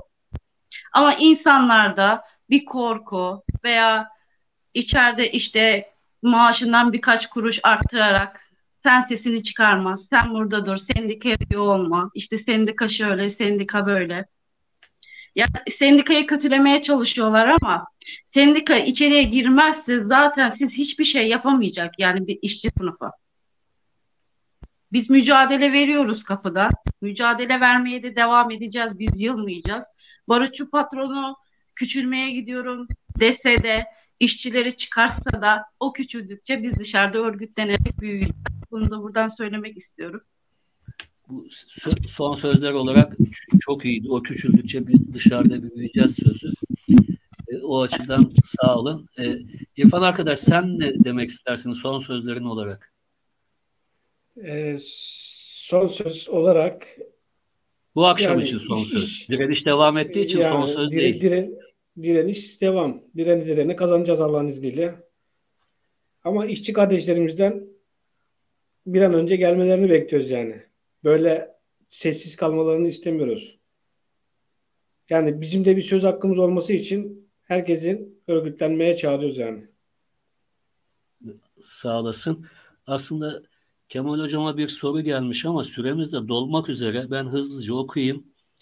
E, eğitimlerinizde kredi kullanmanın kölelik ilişkisini katmerleştirdiğini anlatıyor musunuz? Arjantin'de, Şili'de krediye kolayca ulaşmak ve bunun teşvik edilmesi sendikal örgütlenmeyi bitirmişti diyor. Mehmet Öztürk adlı izleyicimiz. Elbette ki yani sendikal eğitimlerimizde borçlanmanın, borçluluğun e, sendikal örgütlenmeyi yavaş yavaş bitirdiğini, kemirdiğini, insanları eylemsellikten uzaklaştırdığını açık açık anlatıyoruz. Ama tabii burada bunu anlatmamız da bir ifade etmiyor. Önemli olan mücadelelerde ve toplu pazarlık süreçlerinde insanların o noktaya kadar e, gerilemesinin önünü kesmek gerekiyor. Yani daha iyi toplu sözleşmeler, ekonomiyi biraz daha iyi takip edip insanların yaşam standartlarını biraz daha yukarıya çekebilirsek yani biz bunu hedeflememiz gerekiyor. Yoksa biz insanlara ne kadar anlatırsak anlatalım insanlar ihtiyaç duyduğunda ya da bir tüketim e, ihtiyacı hissettiğinde gidiyorlar borçlanıyorlar. Buna bir şekilde engel olamıyorsunuz. Ama olabildiğince toplu sözleşmelerle insanların kazanımlarını yukarıya çekersek bu zaten kendiliğinden otomatikman geriliyor. Bu ilişkiyi de biz anlatıyoruz zaten. İşliyoruz derslerimizde. Sağ olun. Ee, Şimdi yani bitirmek üzereyiz de evet. ben e, Emine Hanım hatırlattığı için bu 12 saat çalışma ile ilgili bir ifade kullandı. E, aynı zamanda EYT de gündemde ve erken emeklilik tartışmaları var bazı çevrelerde. Dünyada en uzun çalışılan ülkelerden biriyiz. Evet 49 yaşında 50 yaşında emekli olanlar var ama günde 12 saat 14 saat hatta bazı yerlerde 16 saate varan çalışmalar var. Dolayısıyla saat üzerinden bakıldığında bizim yıllara eğer bunu uygularsak e, yaklaşık 60-70 yılla denk gelir çalıştığımız süre. Birçok iş yerinde 12 saatin altında neredeyse çalışma yok. Dolayısıyla 12 saat çalışmak da mesailerle geçim sağlamak için aslında birçok kişi de buna mecbur. Çünkü ek gelir gibi görüyorlar fazla çalışmayı. Dolayısıyla ciddi bir sömürü var. Sendikal örgütlenme bu açıdan da önemli. Yani mesele 12 saat çalışmak değil 6 saat çalışmak. Hatta şu an ona yakın ülke 4 saate düşürdü. Haftada 3 gün çalışma olan ülkeler var artık. Dolayısıyla sendikal örgütlenmeyi biraz da buradan doğru, emek mücadelesini biraz da buradan doğru bakmak gerekiyor. Bu kredi borç işinde de bir şey yapayım, bilgi vereyim. 25 milyon kişi şu an borçlu. E, bunların büyük çoğunluğu da e, tefeci olarak görev yapan bu borç tahsilatı için kurulmuş şirketler var. Özel şirketler, sigorta şirketleri gibi. Bunlara verilmiş durumda. İnsanlar artık sofrasına ekmeği borç alarak, kredi kartından para çekerek getirebilir durumda. Dolayısıyla sendikal örgütlenme bunun için de önemli. Yani hem çalışıyoruz hem geçinemiyoruz. Ve bankalarda ısrarla bizi paraya boğuyorlar. Ve şunu demiyor kardeşim bunu bir sene sonra ödeyemeyeceksin belli değil belli bu. Ben sana bu parayı vermem demiyor. Al diyor. Araban varsa ona el koyuyor. Evin varsa ona el koyuyor. Miras kalmış köyünde bir tarlan varsa ona el koyuyor. Çalışmaya devam ediyorsan maaşına icrayı gönderiyor. Sen banka patronlarına çalışır durumda devam ediyorsun. Bu müthiş bir kölelik durumu. Bunları da söylemek istedim. Yayınımızın sonuna geldik. Haftaya yine direnemekte başka bir e, konuda birlikte olacağız. E, bütün direnişlere ses vermeye çalışıyoruz ayrımsız olarak. Bu yayın politikamızı sürdüreceğiz. Nerede direnenler varsa, emekten yana mücadele edenler varsa onların sesi olmaya çalışacağız. Mukavemet TV'nin e, direnemek hesabından ve mukavemetin diğer sosyal medya hesaplarından bize ulaşabilirsiniz. İş yerinde, sokağınızda yaşadığınız emekten yana sorunları bize iletirseniz duyurmaya çalışırız. İzlediğiniz ve dinlediğiniz için konuklarımıza da katılıp görüşlerini bizimle paylaştıkları için teşekkür ediyorum. Görüşmek üzere. Biz teşekkür ederiz. İyi akşamlar herkese. Teşekkürler. Direneniz kazanacak Salim abi. İşçiler korkmayın, sendikalaşın. Aynen öyle. Hiç kimse korkmasın. Tamam, bu güzel bir kapanış olur böyle. Direnen işçiler...